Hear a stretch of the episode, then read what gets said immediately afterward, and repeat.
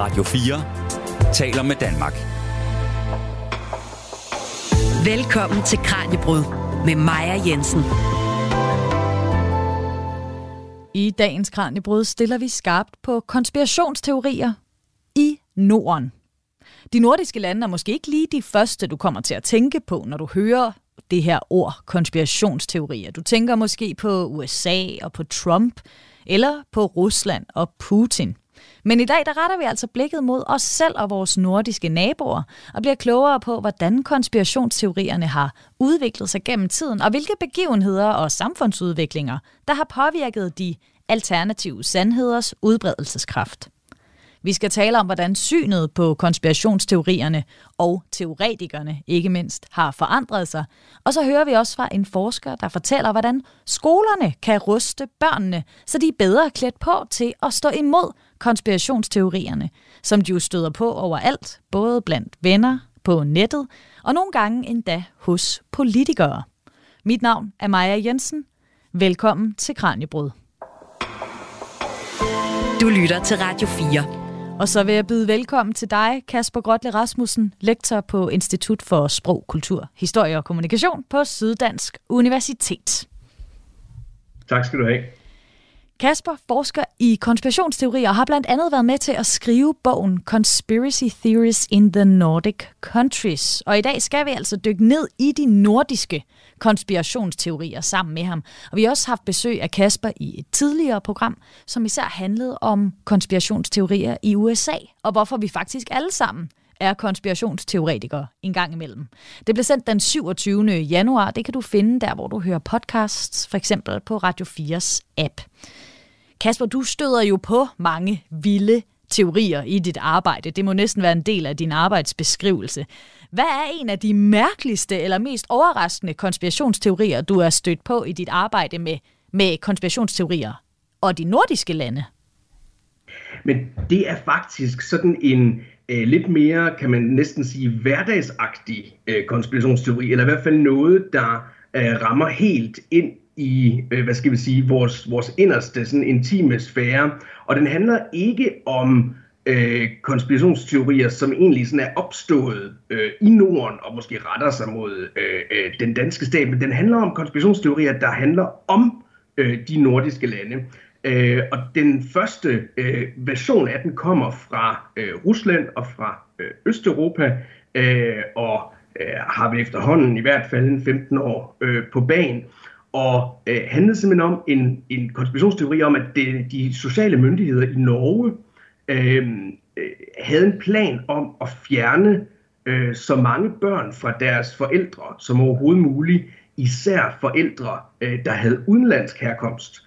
Øh, I det her tilfælde var fra Rusland. Og formålet øh, skulle være øh, at øh, placere dem hos øh, forældre, der var øh, i regnbuefamilier, øh, altså LGBT øh, plus øh, familier, men det dybere øh, formål, eller den dybere plan, lå jo også i, at man øh, øh, desværre, det lyder det i konspirationsteorien, ville øh, sørge for at misbruge, øh, øh, misbruge de her børn, øh, og med vilje gøre dem øh, homoseksuelle, at man formodede, at det var den måde, man kunne, øh, man kunne gøre det på. Konspirationsteorien er opstået øh, af en øh, kvinde især, der var øh, en russisk kvinde, der levede i Norge, øh, blev skilt fra en øh, norskfødt øh, mand, øh, og fik ikke sine børn øh, med sig, da hun tog tilbage til Rusland. Det var der mange forskellige årsager til, men hun promoverede simpelthen aktivt den her øh, konspirationsteori i Rusland, som rigtig gerne ville have, øh, øh, hvad skal vi sige,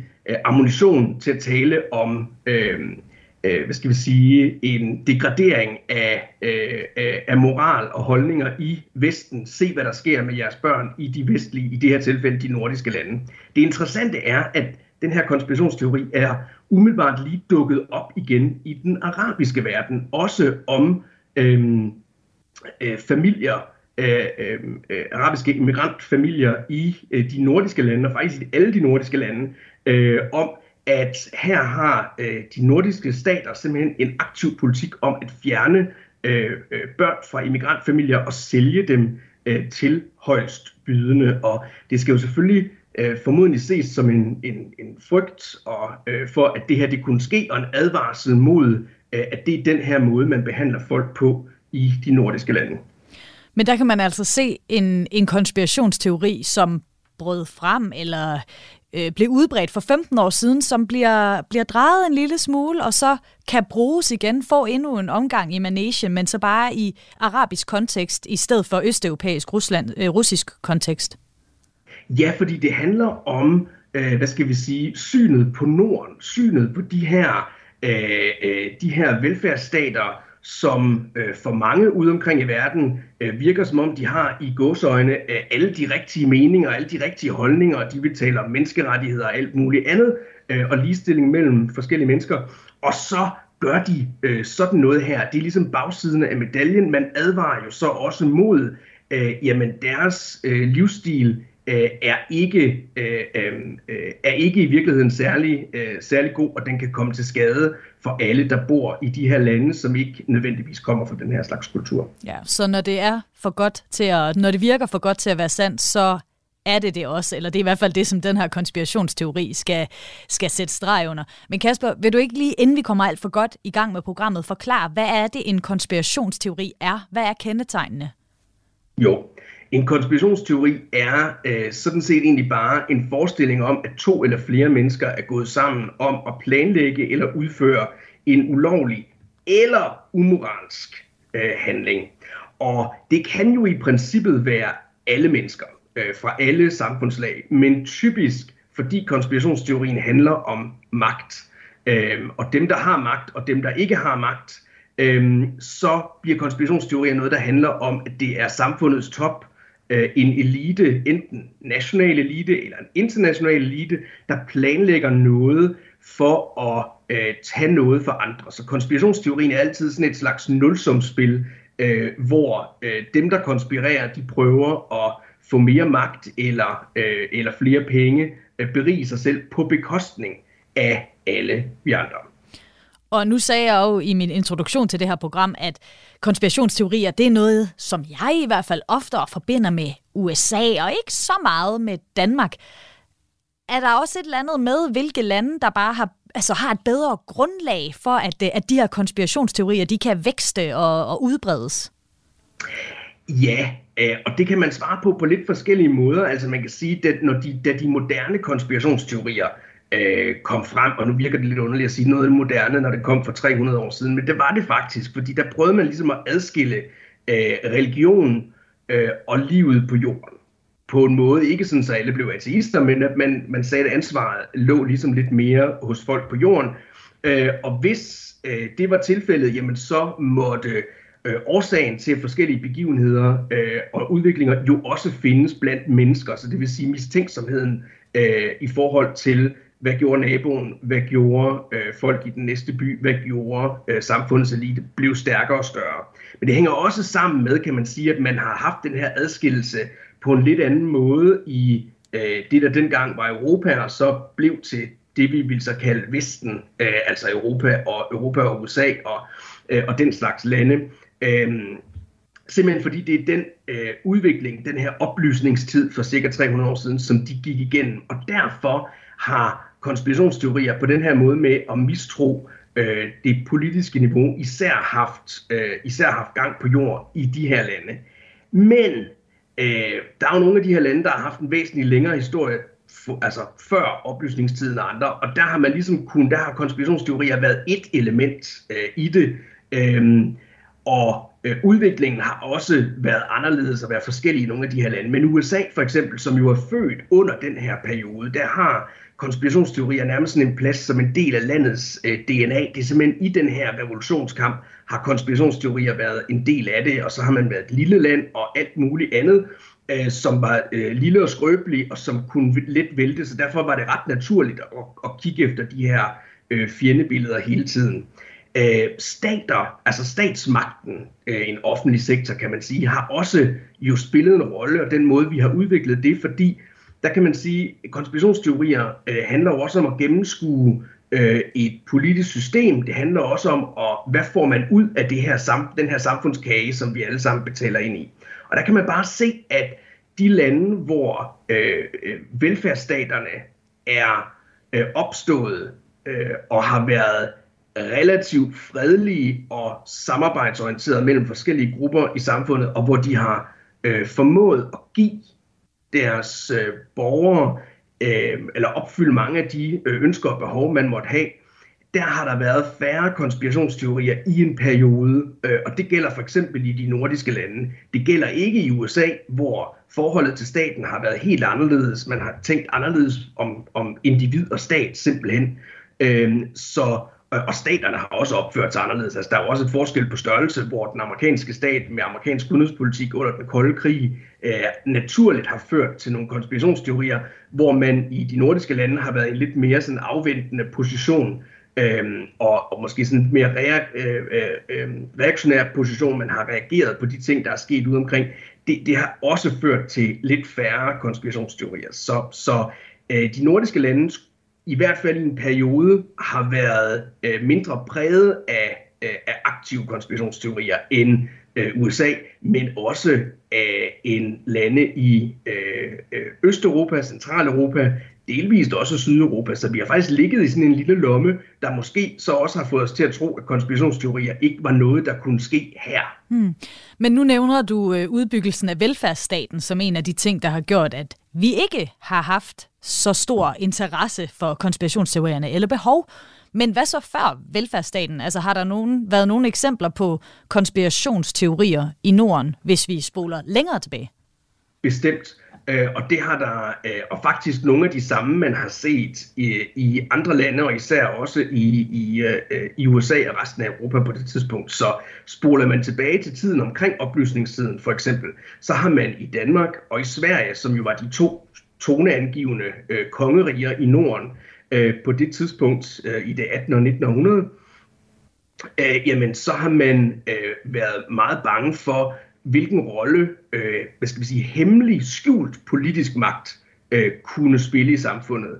Øh, så det vil sige, hemmelige selskaber som frimurerne, frimurerfrygten øh, har, været, øh, har været rigtig stor, måske især i Sverige, men, men også øh, en del i Danmark øh, i den periode. Man har også øh, fuldstændig parallelt med andre steder, især i Europa, haft en øh, antisem, haft antisemitiske konspirationsteorier, altså mod øh, jødiske immigranter øh, har de især været, ikke? Hvor, hvor der har været, også været gennemført øh, lovgivninger og, og for at begrænse jøders øh, øh, hvad skal vi sige, frihedsgrader øh, i, i Danmark og i Norden. Så det er ligesom de to store, øh, der har været, altså en frygt for, hvad skal vi sige, immigranter og en frygt for noget, hvad skal vi sige, uigennemskueligt politisk. Hvordan skulle man, hvis nu man stod som en øh, en, en dansk øh, sådan medlem af en, en spirende borgerstand og troede, man havde nogle frihedsrettigheder, som begyndte at komme måske i kølvandet på den franske revolution. Øh, men så lige pludselig, så er der noget uigennemskueligt, hvordan, øh, hvordan er det så med den her hemmelige politiske magt, som måske udøver øh, øh, noget indflydelse, som vi ikke har kontrol over. Og det er nogle af de konspirationsteorier, der klart har været. Ja, så vi har altså haft øh, konspirationsteorier, og også konspirationsteorier til fælles med rigtig mange andre steder i verden, men den her interesse for teorierne faldt altså, faldt altså i Norden i takt med velfærdsstatens udvikling. Men så skete der altså noget i nullerne, som gjorde, at konspirationsteorierne igen vandt frem i Norden. Du lytter til Kranjebrud på Radio 4. Kasper Grotle Rasmussen, du fortalte før, at der ellers ikke havde været den helt store interesse, eller det helt store behov måske, for konspirationsteorier i Norden. Fordi vi havde en, en velfærdsstat, der kunne gribe os og, og passe på os, og som vi, ja, tro, stolede på. Men i dag er der jo masser af konspirationsteorier i Norden, og det er altså i nullerne, at interessen, eller behovet måske, genopstår. Hvad er det, der sker her? Jeg tror, der sker forskellige ting. Altså man har dels taget lidt tilløb til det igennem 1990'erne. Øhm, 90'erne startede jo med, at den kolde krig sluttede, og det gjorde, at man skulle til at finde ud af, hvordan verden skulle se ud øh, på ny. Og det har bidraget til øh, konspirationsteorier. For hvad var det så for en form for verdensorden, øh, man nu skulle have, og hvem var det egentlig, der skulle bestemme? Og så kan man sige, øh, i, i Danmark og også store dele af resten af verden øh, har havde venstreorienterede, hvad skal vi sige, anti-globaliseringskonspirationsteorier øh, begyndte de at få, øh, få, få lidt tag, eller få lidt, lidt vind under sejlene, nok stadigvæk mest markant på den, på den yderste venstrefløj, hvor man altså sagde, vi, vi vil ikke have den her neoliberale øh, verdensorden, og vi er bange for, at de sidder og træffer beslutninger på, på et eller andet grundlag, som vi ikke kan gennemskue, øh, og at de i virkeligheden vil, øh, vil gøre noget vemmeligt ved os.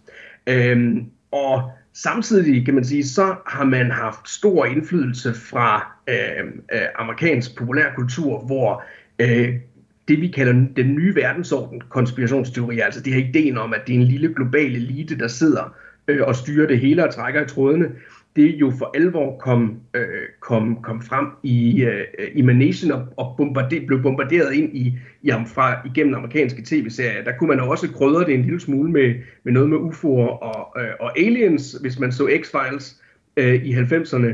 Øh, så, så der har ligesom været sådan et tilløb, der, der kom til, men det er helt klart, at den store skældsættende begivenhed var øh, terrorangrebet den 11. september 2001, især i øh, New York, øh, men også øh, jo i Washington, øh, hvor de her flykabrere fra Al-Qaida øh, øh, med fire hijackede fly forsøgte øh, og gennemførte øh, nogle terrorhandlinger. Og det øh, kan man sige rystede jo også øh, rystede jo også Danmark, men da den sådan umiddelbare chok øh, havde lagt sig, og man skulle til at gøre noget ved det, altså da krigen mod terror øh, Øh, for alvor startede i en dansk sammenhæng med, øh, øh, med invasionen af, af, af Irak i foråret 2003, øh, så var der det her spørgsmål øh, om, jamen, går man i krig på det rigtige, øh, på det rigtige grundlag? For det første, en dansk øh, såkaldt angrebskrig øh, var ikke rigtig set øh, i virkelig, virkelig mange år. Det vil sige, var en skældsættende ændring i dansk udenrigspolitik. Øh, og øh, var det nu det rigtige grundlag, man gik i krig på? Man sagde jo, at Saddam Hussein havde forbindelse til 11. september. Man sagde, at han havde masseødelæggelsesvåben. Øhm, og der var ikke nogen af de her ting, der viste sig at være rigtige. Så ændrede man øh, øh, årsagen til at sige, at man gik i krig for ligesom at øh, bringe demokrati og for nogle andre ting. Så der var en ekstrem uklarhed i forhold til, øh, hvad det var, hvorfor det var, man skulle deltage i det her. Og, og det danske bidrag gennem årene relativt i forhold til, til Danmarks størrelse øh, var, øh, var ret stort og, og, og, øh, og medført faktisk relativt mange døde danske soldater i forhold til, som sagt, landets størrelse. Øh, og modstand mod krigen mod terror, og jo også alle de andre ting, der var med, det vil sige øh, måske fornyet overvågning og øh, en stat, der var mere aktiv i at prøve at beskytte sig selv mod potentiel terrorisme. Øh, bidrog til, at man var sådan lidt, hvad er det her egentlig? Øh, hvad er det her egentlig for noget? Skal vi stole på det her? Og så kom der jo så en, det man kalder den, den, den øh, øh, øh 11. september sandhedsbevægelsen, eller 9-11 Truth Movement, som var sådan en større, øh, øh, især europæisk, amerikansk øh, øh, bevægelse med mange forskellige grene, hvor de sagde, men det i virkeligheden så er det, det I er blevet fortalt, er helt øh, forkert. Det var ikke al-Qaida, der, øh, der, angreb, øh, øh, der angreb USA den 11. september. Det var formodentlig øh, den amerikanske stat, der selv havde gjort det, fordi de gerne ville ind i Irak, måske fordi de gerne ville øh, have øh, Mellemøstens øh, olieressourcer. Øh, var ligesom den umiddelbare, øh, den umiddelbare plan. Den er stadigvæk på det her tidspunkt relativ, en relativt venstreorienteret, sådan kapitalisme-kritisk øh, øh, bevægelse.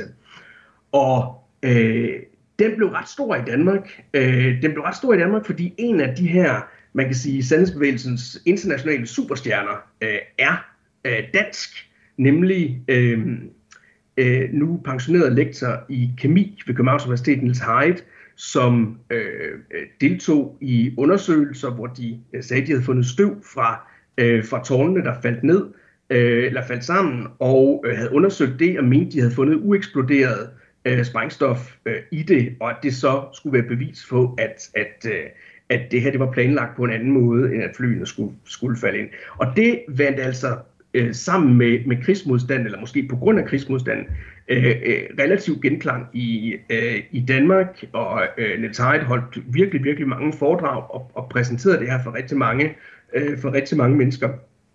så, så det var sådan ligesom en skældsættende ja. øh, ændring og begivenhed, der kom der.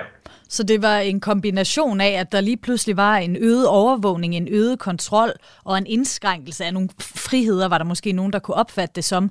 Og så at der lige pludselig kom sådan en idé om, hov, er der nogen, der holder noget skjult for os? Altså de to ting fik interessen til virkelig at, øh, at eksplodere, også i Danmark. Selvom det jo er langt ja, væk, det her det er foregået. Og, og ideen om, hvorvidt man, skulle, altså, øh, hvorvidt man var gået i krig på et, et, et, og i krig dermed jo så også havde udsat sig selv for ja.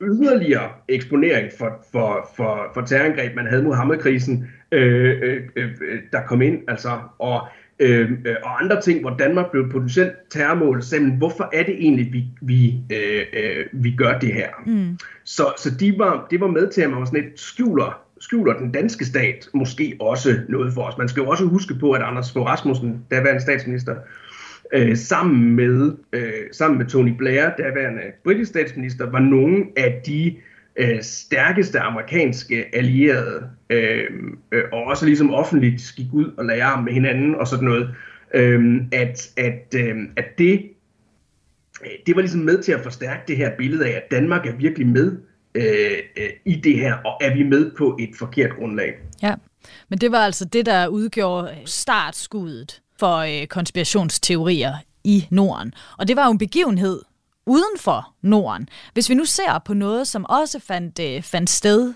i, i Norden, øh, godt nok lidt senere, massakren på øh, den norske ø Utøya 22. juli 2011, så var det øh, Breivik, der stod bag massakren, og han tror på konspirationsteorien om den store udskiftning. Hvad er det for en, en teori, Kasper? Ja, det er en... Øh jeg tror ikke, vi fornærmer nogen ved at sige, at det er en, en racistisk, øh, øh, øh, xenofobisk, altså fremmedhadsk øh, øh, konspirationsteori, der grundlæggende set forestiller sig, at man har siddet øh, i ledende kredse i Mellemøsten og Nordafrika og bestemt sig for, at man skulle lave en massiv øh, indvandring i Europa øh, for at udskifte den oprindelige øh, europæiske, i en hvide øh, befolkning, og dermed tage kontrollen. Øh, det er en øh, konspirationsteori, der oprindeligt sådan, øh, i, i den her inkarnation stammer fra, øh, fra Frankrig, øh, og øh, hvor øh, man af forskellige årsager har haft kolonier i Nordafrika og sådan nogle ting, har haft en, en relativt stor øh, befolkningsgruppe øh, øh, fra de lande, og så har man forestillet sig det her, fordi man synes, at, øh, at det her øh, øh, mix mellem øh, befolkningsgruppen med forskellige etnicitet ikke øh, virkede særlig godt, eller ført øh, nogle grimme ting øh, med sig. Og det har øh, det, det, det, det tog øh, Anders øh, Bering Breivik så øh, med sig i det her øh, øh meget lange manifest, han efterlod eller han skrev. Øh, øh, og så lavede han den her dybt ubehagelige massakre på, på de her socialdemokratiske ungdomspolitikere, fordi han mente øh, og retfærdiggjorde det med, at de ligesom var med til at få den her øh, udvikling til at ske.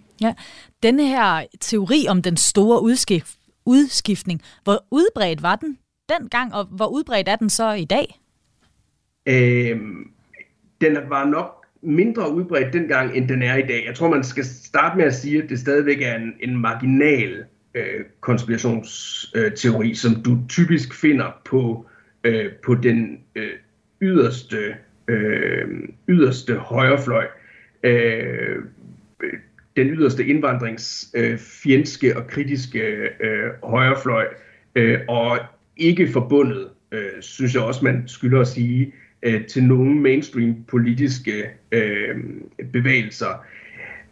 Men den dukker op øh, her og der, og, og, og det der jo er med konspirationsteorier, det er, at, at de dukker op i sådan en måske en relativ ren form, og så bliver de udvandet lidt, øh, og så når de i takt med, at de bliver udvandet lidt, så er der måske flere mennesker, der begynder at købe, nej, men var der ikke også noget med, og vi synes også, det var træls, og vi bor tæt på et område, der har en høj koncentration øh, af øh, mennesker, typisk med, med, øh, med muslimsk arabisk øh, baggrund. Øh, det synes vi også er et problem. Er det det her, det ligger i? Men i virkeligheden øh, kan man faktisk spore den her forestilling øh, øh, omkring 120 år øh, tilbage. Der var det bare ikke øh, muslimer, det var ikke folk fra, øh, fra, øh, fra Mellemøsten og Nordafrika, der stod for skud, men derimod jøder. Øh, forestillingen om fra sådan øh, øh skiftet mellem det, det, øh, det 19. og 20. århundrede, at, øh, at der, havde, der havde været sådan en verdenskongres, havde man forestillet sig i, øh, i Schweiz øh, i 1890'erne, øh, hvor øh, jøder havde bestemt sig for, de ledende jødiske kræfter havde bestemt sig for at ville erobre, øh, ville erobre verden. Øh, og det tog man, det blev skrevet ned øh, i, i sådan et, øh, et, øh, et skrift, vi kalder det ofte The Protocols of the Elders of Zion, Øhm, og øh, så har man holdt det frem øh, igennem lang tid, og man bruger det faktisk, nogen bruger det stadigvæk i dag og siger, se her, det var jødernes plan for en ny verdensorden. Det der selvfølgelig, der var mange problemer med det her, den her konspirationsteori. Den primære var selvfølgelig, at øh, der aldrig havde været sådan et skrift. Det var øh, lavet af det, øh, den russiske øh, SARS øh, hemmelige politi, øh, baseret på nogle forskellige antisemitiske bøger, der også var udkommet der øh, øh, i Europa i, øh, øh i slutningen af det 19. århundrede. Øh, så det var et fald, som man ligesom trak frem for at sige, nu skal vi nu skal vi, øh, nu skal vi, nu skal vi få de her øh, jøder ned med nakken, eller nu skal vi give folk en forklaring på, hvad det er, alt det her dårlige ting, vi syr. Øh, så nu, nu fabrikerer vi det her smedeskrift. Øh, men ideen om, at, at, der, at, at man frygter, at der kommer nogen udefra og skal udskifte eller kontrollere en, øh, en befolkningsgruppe et andet, altså i et oprindeligt hjemland i godsøjne, jamen det er sådan set den samme, om det er øh, om det er den, om det er mod jøder eller om det er mod øh, muslimer, typisk araber eller folk fra, fra, fra Nordafrika. Ja. ja. Så der kan vi altså igen se det her med gamle konspirationsteorier, som får et twist eller en ny, øh, en ny os og dem betegnelse, og så kan den blive øh, brugt igen. Men hvis vi nu springer tilbage til USA igen, Kasper, fordi selvom programmet handler om konspirationsteorier i Norden, så stammer mange af konspirationsteorierne jo fra USA, eller bliver i hvert fald udbredt der, og så bliver de fragtet over, over Atlanten via øh, internettet. Og når jeg tænker på USA og på konspirationsteorier, så tænker jeg på Trump. Og han har selvfølgelig haft en kæmpe stor indflydelse på, øh, på konspirationsteorier i USA, og måske også endda en accept af konspirationsteorier. Men hvilken rolle får han i Norden? Det er jo egentlig lidt smule paradoxalt, fordi i princippet så kan man sige, at mange af de ting, øh, Trump stod for, den form for øh, den form for politik, han stod for, jo ikke nødvendigvis ville vinde genklang øh, øh, i Norden. Og det var der også meget af politikken, der heller ikke øh, gjorde. Han talte meget om immigration fra Mexico og øh, hvordan USA skulle forholde sig til resten af verden og sådan noget. Og det var egentlig ikke de specifikke politikpunkter, som, som øh, de folk, der var mere Trump-venlige i Norden, øh, øh, øh tog frem. Men det var mere at sige, jamen han øh, udstiller jo den politiske korrekthed. Han er den frække gadedreng, der tør sige tingene, øh, som det er. Øh, og er der ikke også en øh, medie skråstreg elite sammensværgelse mod ham for at prøve at lukke ham øh, for at prøve at lukke ham ned og ligesom stikke hans magt. Og den her idé om, at øh, øh, mainstream-medierne, som jo er et begreb, der altså ikke er voldsomt gammel, men som jo er noget, vi, vi, vi kender i dag, og som jo kommer et eller andet sted fra en konspirationsteoretisk verden, jamen øh, mainstream-medier, øh, at, at de ligesom prøvede at øh, øh, at få øh, Trump ned med nakken og få alle, der ligesom kritiserede en eller anden, hvad skal vi sige, sådan eksisterende øh, øh, aftalt øh, det gode selskab øh, politik, at man prøvede at, at, at, at få det lukket ned. Øh, det fandt også øh, genhør øh, og genklang i Danmark. Øh, man sagde, jamen de der mainstream øh, medier, det er øh, øh TV2, øh, de store såkaldt omnibus-aviser, øh, gamle medier og sådan noget, øh, jamen dem skulle man slet ikke lytte til, fordi de ville ikke fortælle os sandheden. Man skulle i stedet for ud i sådan noget som øh, øh, sådan mere alternative medier, øh, som jo primært fandtes på sociale medieplatforme. Men det betyder også, at, at at man forestillede sig, jamen hele det der med den redaktionelle proces og sådan nogle ting, det er alt sammen aftalt, øh, aftalt spil, og vi kan ikke stole på sådan en form for journalistisk objektivitet. Vi må ud og være øh, øh, citizen journalists, ikke? altså borgerjournalister, der i virkeligheden fortæller sandheden og rapporterer fra, hvordan, øh, øh, hvordan tingene i virkeligheden er øh, i virkeligheden. Og øh, det tror jeg satte et, et sådan øh, øh, varigt spor øh, fra Trump-tiden, og som, vi, og som vi også har set nu her under, under coronatiden, og måske fortsætter med nu her. Altså ideen om, at, at, at vi skal ikke have, have tillid til de her institutioner, eller til, også heller ikke til de her politikere, fordi de sidder i virkeligheden fast øh, i en, en gammeldags måde at tænke på, men de gør det også med vilje, fordi de vil beholde øh, magten, og de vil beholde noget. Når de siger politisk korrekthed, så er det bare for at lukke kritik øh, ned. Og det tror jeg var en af de ting, man virkelig tog med sig fra Trump-tiden over til Danmark. Radio 4 taler med Danmark. Vi er i gang med Kranjebrud, der i dag ser nærmere på konspirationsteorier i Norden. Og derfor har vi besøg af Kasper Grøt Rasmussen, der forsker i konspirationsteorier og konspirationsteorier i Norden. Og indtil nu der har vi lavet nogle nedslag i historien, som har påvirket de konspirationsteorier, der var i omløb, og vi er nået til det nedslag, som i hvert fald for mig går hånd i hånd med konspirationsteorier. Det er nemlig coronapandemien, vi skal tale om nu. Og Kasper, hvis vi skal vende tilbage til noget af det, du fortalte om i starten af programmet, hvorfor udgjorde coronapandemien så så godt et grundlag for konspirationsteorier? For det første, så var der en krise, som folk kunne tage og, øh, øh, og føle på, og som faktisk også fik at føle, fordi øh, dansk nedlukning under corona var relativt voldsom. Øh, især i forhold til nogle af de lande, vi sammenligner os, øh, vil sammenligne os med. Det havde også nogle vemmelige, ubehagelige konsekvenser for mange mennesker. Øh, der var folk, der blev fyret, øh, øh, forskellige øh, erhverv, der virkelig led øh, rigtig hårdt. Øh, restaurationsbranchen, turisterhvervet, men jo også erhverv, der blev lukket. Øh, minkerhvervet øh, for eksempel. Øh, så der var ligesom, det er sådan en perfect storm, øh, og øh, at der var de her ubehagelige konsekvenser, og samtidig kunne man ikke helt se, hvorfor var det, der skulle være de her ubehagelige konsekvenser? Fordi forestillingen til at starte med var jo, jamen er det her ikke bare en influenza? Vi kan ikke se øh, de her dødstal være så ekstremt høje i Danmark, som man havde, øh, som man havde forestillet sig. Øh, og man kunne ligesom ikke se en sammenhæng mellem den adfærdsændring, der også jo var og måske har ført til, at der var en, en, en, øh, en, øh, en lavere dødstal i Danmark end, end, øh, end så mange andre steder.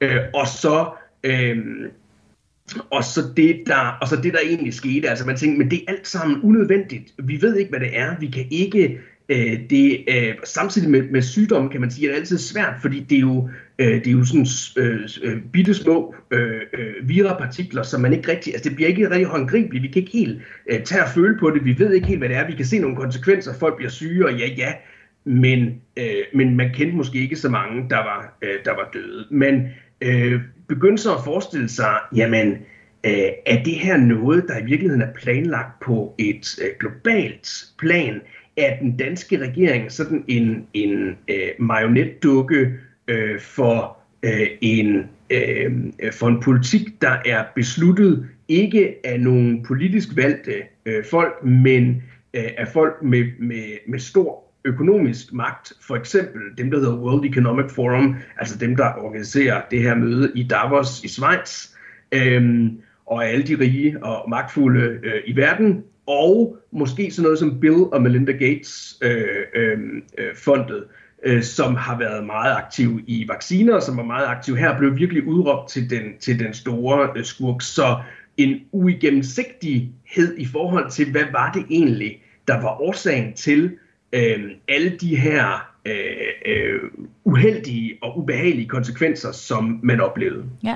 Hvilke sager, altså hvis vi ser på, på coronapandemien, hvilke sager var så særligt udgangspunkter for, for de her konspirationsteorier? Jeg tror, at man må sige, at, at, at øhm, Mink-sagen øh, var nok den største.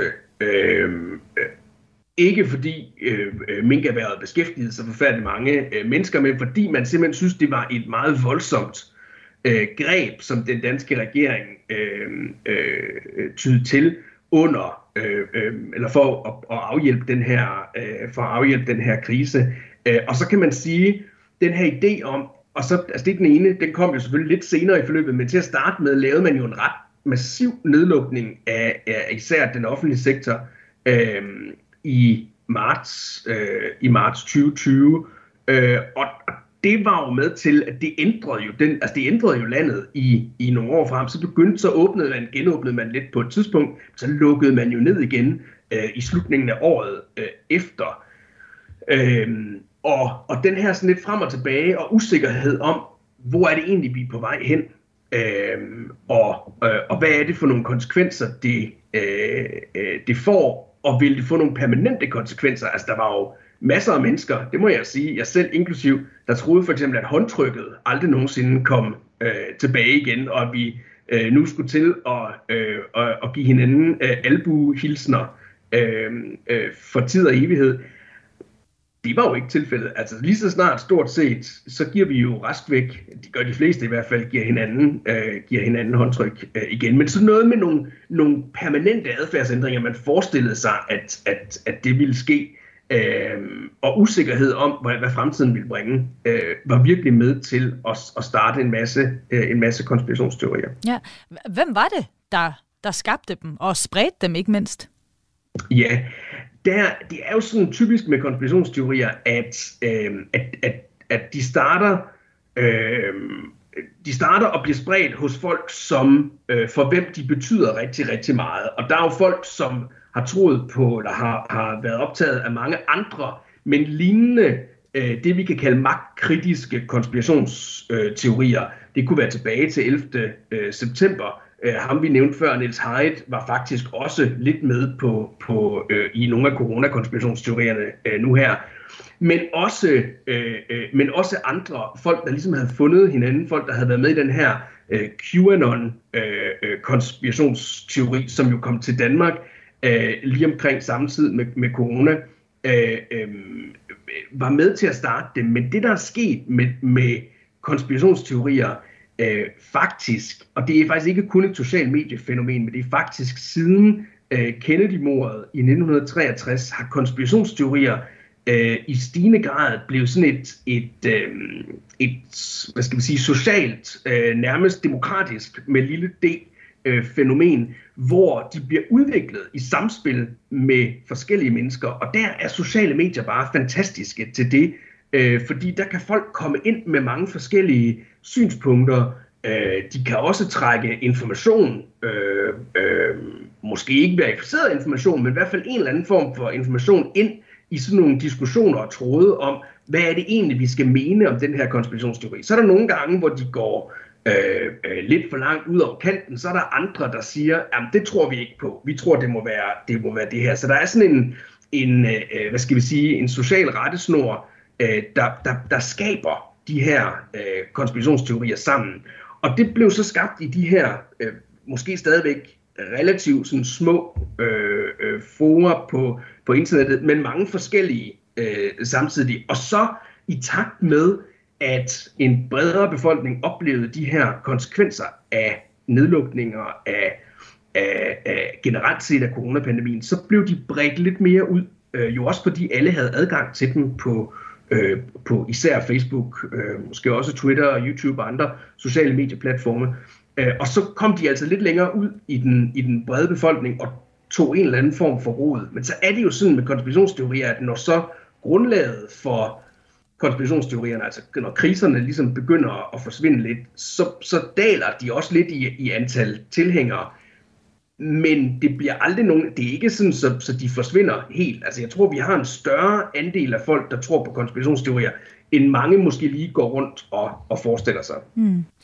Corona, det har i hvert fald sat sine spor og haft en stor indvirkning på konspirationsmiljøet og også konspirationsteoretikerne. Og i dag, der kan det nogle gange virke lidt som om, at der er konspirationsteoretikere over det hele. Både når jeg logger på min Facebook, når jeg åbner for medierne, og endda også nogle gange, når jeg øh, hører politikerne fortælle ting. Det skal det handle om lige om lidt. Du lytter til Radio 4. Og vi har netop taget hul på sidste del af Kranjebrud, Radio 4's daglige videnskabsprogram, som i dag handler om konspirationsteorier i Norden. Og det er ikke kun os voksne, der jævnligt bliver konfronteret med konspirationsteorier. Også børn og unge skal sortere fake news og fantasifulde fortællinger fra virkeligheden og fakta. Rikke Peters er lektor på Historielab, som er en del af Erhvervsakademiet og Professionshøjskolen UCL. Hun arbejder blandt andet med, hvordan lærerne kan arbejde med konspirationsteorier i deres undervisning, og hun fortæller her, hvorfor det er relevant og vigtigt. Set ud fra lærerens synsvinkel, så er det her emne jo altså virkelig motiverende for eleverne. Og det er det jo, fordi at det taler lige direkte ind i deres livsverden. Altså de fleste elever har jo et forhold til det her, øh, og støder jo på konspirationsteorier. Nogle øh, opsøger dem endda og dyrker dem på de sociale medier, hvor de øh, færdes. Så der er jo mulighed for at skabe en noget mere interessant og lidt anderledes øh, undervisning øh, i nogle fag, hvor nogle lærere nogle gange oplever, at eleverne ikke er så meget med. Og udover det, så kan man sige, at det selvfølgelig er, i høj grad er et tema og et emne, som taler direkte ind i folkeskolens formålsparagraf. Altså hele den her idé om, at folkeskolen jo skal være med til at forberede eleverne til at kunne, kunne deltage og tage medansvar i et øh, demokratisk samfund. Og der må man jo bare sige, at konspirationsteorier og fake news og de her fænomener altså udgør jo aktuelt en, en demokratisk udfordring, og øh, er jo noget, som i, i stigende grad er noget, som vi skal forholde os til i samfundet, og som, øh, som jeg synes jo, altså skolen også har en forpligtelse til at, at ruste vores elever til at, til at forstå og til at, at finde ud af, hvordan, hvordan er det så, man, øh, hvordan, hvordan forstår vi, og hvordan er vi egentlig i omgangen med de her fænomener. Hvordan griber man det så an? Ja, det er jo sådan en stor udfordring, kan man sige, og det er der forskellige måder at gøre på, også alt efter, hvordan man vælger at inddrage det i undervisningen.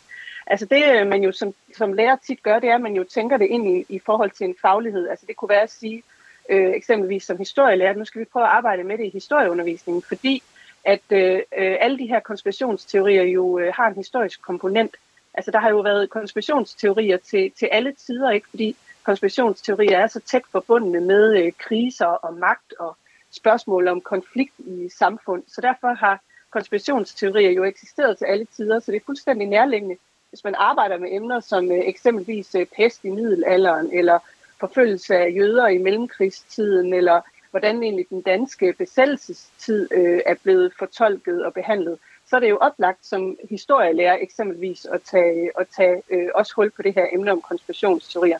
Men man kan selvfølgelig også vælge, måske tværfagligt i samarbejde med både øh, historie og samfundsfag og dansk, og så simpelthen arbejde med øh, emnet, altså hvor emnet i sig selv er i fokus, så man har et helt, måske et helt ugeforløb eller et emneforløb om konspirationsteorier. Det er også en, en måde, jeg har oplevet flere lærere gribe an på på nogle skoler. Hvordan kunne man gøre det? Altså eksempelvis, nu nævnte du øh, jødeforfølgelse. Hvordan kunne man gøre det i forhold til dem? Ja, så handler det jo om øh, som lærer at øh, hjælpe eleverne til, altså facilitere en, sådan en læringsproces, hvor eleverne bliver rigtig gode til at stille spørgsmål til de her konspirationsteorier. Lad os bare tage sådan et eksempel som øh, jødekonspirationsteorier, altså antisemitiske konspirationsteorier i Tyskland i mellemkrigstiden. Så handler det jo om at hjælpe eleverne på vej øh, med at stille nogle gode spørgsmål, som hvorfor opstår de her teorier? Hvorfor der er nogen, der har en, teoris, en interesse i, at de her teorier bliver udbredt i samfundet? Øh, hvad er det for nogle konflikter, der ligger bag, og hvad er det for grupper eller mennesker eller individer, der begynder at tro på de her konspirationsteorier? Og hvordan bliver de udnyttet i, den, i det her tilfælde, den nazistiske propaganda, til at fremme bestemte politiske mål osv. osv.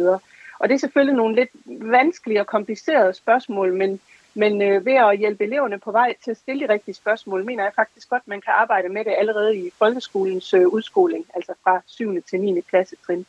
Og de samme spørgsmål kan man så måske stille i forhold til nutidige konspirationsteorier? Ja, absolut, fordi der handler det jo igen om at, at være med til at udvikle elevernes kritiske tænkning øh, og kritiske refleksion i den forstand og, og spørge ind til, jamen øh, bare de her konspirationsteorier, nogle elever måske har stødt på på TikTok, og som man jo sagtens kan gøre til genstand i undervisningen og drage med ind i undervisningen, fordi det igen ligger meget tæt op af elevernes hverdag. Der er det jo vigtigt at, øh, at være med til at udvikle deres kritiske sans i forhold til at forstå, hvad, hvad er det egentlig for nogle mennesker, der poster de her konspirationsteorier? Hvad er det, de gerne vil have mig til at tro på? Hvorfor er det, de betvivler den øh, officielle sandhed og, og kommer ind og, og fortæller mig om, at noget er sket på en anden måde, end det i virkeligheden er? Altså alle de her ting, øh, alle de her meget magtfulde narrativer, der ligger i konspirationsteorier. Altså prøv, gå et spadestik dybere om, bag om dem, og så prøve at undersøge, hvorfor er det, de opstår, og hvorfor er det overhovedet, nogen har interesse i, at de bliver udbredt osv. Det kunne være et spørgsmål, man kunne arbejde med fortalte Rikke Peters til min kollega Kasper Fris. Og Rikke Peters understreger, at undervisningen i konspirationsteorier kan bruges både i forhold til kulørte historier om afdøde rockstjerner, der alligevel ikke er døde, til større teorier om, at verden styres af en hemmelig elite.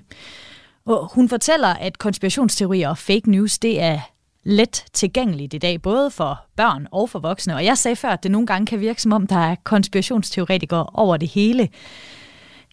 Kasper Grøtle Rasmussen, tidligere har der jo været sådan en idé om, at konspirationsteoretikere, det var en lille forsamling tosser, der bare råbte meget højt. Men er det virkelig sådan, det er, eller er den her gruppe ved at vokse? Og er det stadigvæk tosser, eller er det også helt almindelige mennesker, der er konspirationsteoretikere? Det er øh, helt almindelige mennesker, der, øh, der, hvad skal vi sige, der køber øh, nogle af de her konspirationsteoretiske øh, forklaringer. Og jeg tror, øh, og det synes jeg jo også øh, indlægget her øh, rigtig fint viser, at det er noget, vi skal tage seriøst, det er noget, vi skal øh, arbejde med, og det er jo ikke noget, vi bare skal afvise, for man skal jo huske, at øh, konspirationsteorier, der kan man ligesom skælne nogle gange, hvis man skal kigge på dem, mellem øh, den fortælling, de fortæller, altså den egentlige, hvad skal vi sige, konspirationsteori, hvad er det, de forestiller sig, hvordan det er. Og så den underliggende kritik, øh, der, jo, øh, der jo også er, og den underliggende kritik øh, kan sagtens være helt rigtig, øh, kan være fuldstændig legitim i forhold til at sige, hvordan er det magten egentlig forvaltes øh, på? Hvad er det for nogle nyheder, vi bliver præsenteret for? Er der nogen, der har nogle skjulte interesser? Og det kan man sagtens kombinere med en sund øh, kildekritik, øh, som, øh, som jeg synes, det, det, altså, det lyder rigtig spændende, som det bliver arbejdet med i, øh, i grundskolen, hvor jeg netop synes, det er vigtigt, fordi mange af de her konspirationsteorier øh, øh, øh bliver præsenteret og bliver også målrettet folk i, i, øh, øh i eller børn i den her øh, i den her alder. Så det er Øh, det er os alle sammen, øh, og det er noget vi skal tage øh, vi skal tage seriøst. Ja, fordi hvilken betydning kan det have, at det for eksempel også er politikere, der er med til at tage beslutninger på befolkningsvegne, og som vi ser og, og ser op til måske og, og finder troværdige, som også taler om øh, konspirationsteorier. Det kunne for eksempel være Henriette Ærgemann, kortvarig næstformand for Nye Borgerlige, og Lars Bøje, nu tidligere formand for Nye Borgerlige, som øh, har abonneret lidt på, eller fortalt lidt om, om noget, der, der, der lyder lidt som, rimer lidt på The Great Reset, denne her om World Economic Forum, som du jo faktisk også har fortalt, øh, eller du fortalte os lidt om World Economic Forum før. Altså, er det ikke noget af det mest skadelige, når det er de her personer, som skulle, skal være meget troværdige, og som skal være med til at tage beslutninger på vores allesammens vegne, som abonnerer på de her ting? Man kan i hvert fald sige, om det, om det er skadeligt eller ej, det synes jeg er lidt en, er, er en bredere diskussion. Man kan i hvert fald starte med at sige, at det er noget, der optager ikke bare de her politikere, men øh, øh ret meget også deres øh, vælgerbefolkninger. Derfor tror jeg, man skal se dem ofte som repræsentant for dem, når man vurderer deres udtalelser. Så kan man jo selvfølgelig sige, politikere kan drive holdninger lige så meget, som, som vælgerne kan drive politikernes øh, øh, holdninger. Og der kan det det er problematisk, hvis man kommer frem med konspirationsteorier, som beviseligt er usande, og især hvis man gør det øh, for at høste stemmer eller prøve at få politisk opmærksomhed. Det er øh, problematisk, fordi så bliver de anset som autoritative og noget, man kan, øh, man kan lægge vægt på. Og det er netop sådan noget, som man kan arbejde med i, øh, i skolerne, arbejde med at styrke de, de studerendes øh, øh kritiske sans, Øhm, og noget vi også alle sammen kan blive bedre til i forhold til kildekritik, især på internettet. Men er der ikke også noget, vi kan gøre for at angribe problemet ved roden? Altså selvfølgelig kan vi alle sammen blive bedre til at være mere kildekritiske, og det er jo fantastisk, at der bliver sat ind allerede i grundskolen. Men er der ikke noget, politikerne for eksempel kan gøre for at mindske den her øh, udbredelse af konspirationsteorier? Og det, det synes jeg, og det er ikke sikkert, det, det, det, det hjælper øh, 100%, men øh, vi har set en stigende tendens til øh, igennem faktisk de sidste 20-25 år, at der er en stigende lukkethed øh, og, og ikke transparens i politiske beslutninger, øh, offentlighedsloven og andre ting. Og hvis man ved konspirationsteorier til liv, så skal man fra politisk side øh, gå efter maksimal åbenhed om, om politiske beslutninger. Så er der i hvert fald mindre grundlag for konspirationsteorier. Så åbenhed kan faktisk give mere troværdighed? Ja, lige præcis. Ja. Og med det, så skal vi altså til at runde dagens program af. Jeg har besøg af Kasper Grotle Rasmussen, lektor på Institut for Sprog, Kultur, Historie og Kommunikation på Syddansk Universitet. Mange tak, fordi du havde lyst til at være med i dag, Kasper. Tak, fordi jeg måtte være med. Kranjebrød er produceret af Videnslyd for Radio 4. Mit navn er Maja Jensen. Tak fordi du lyttede med.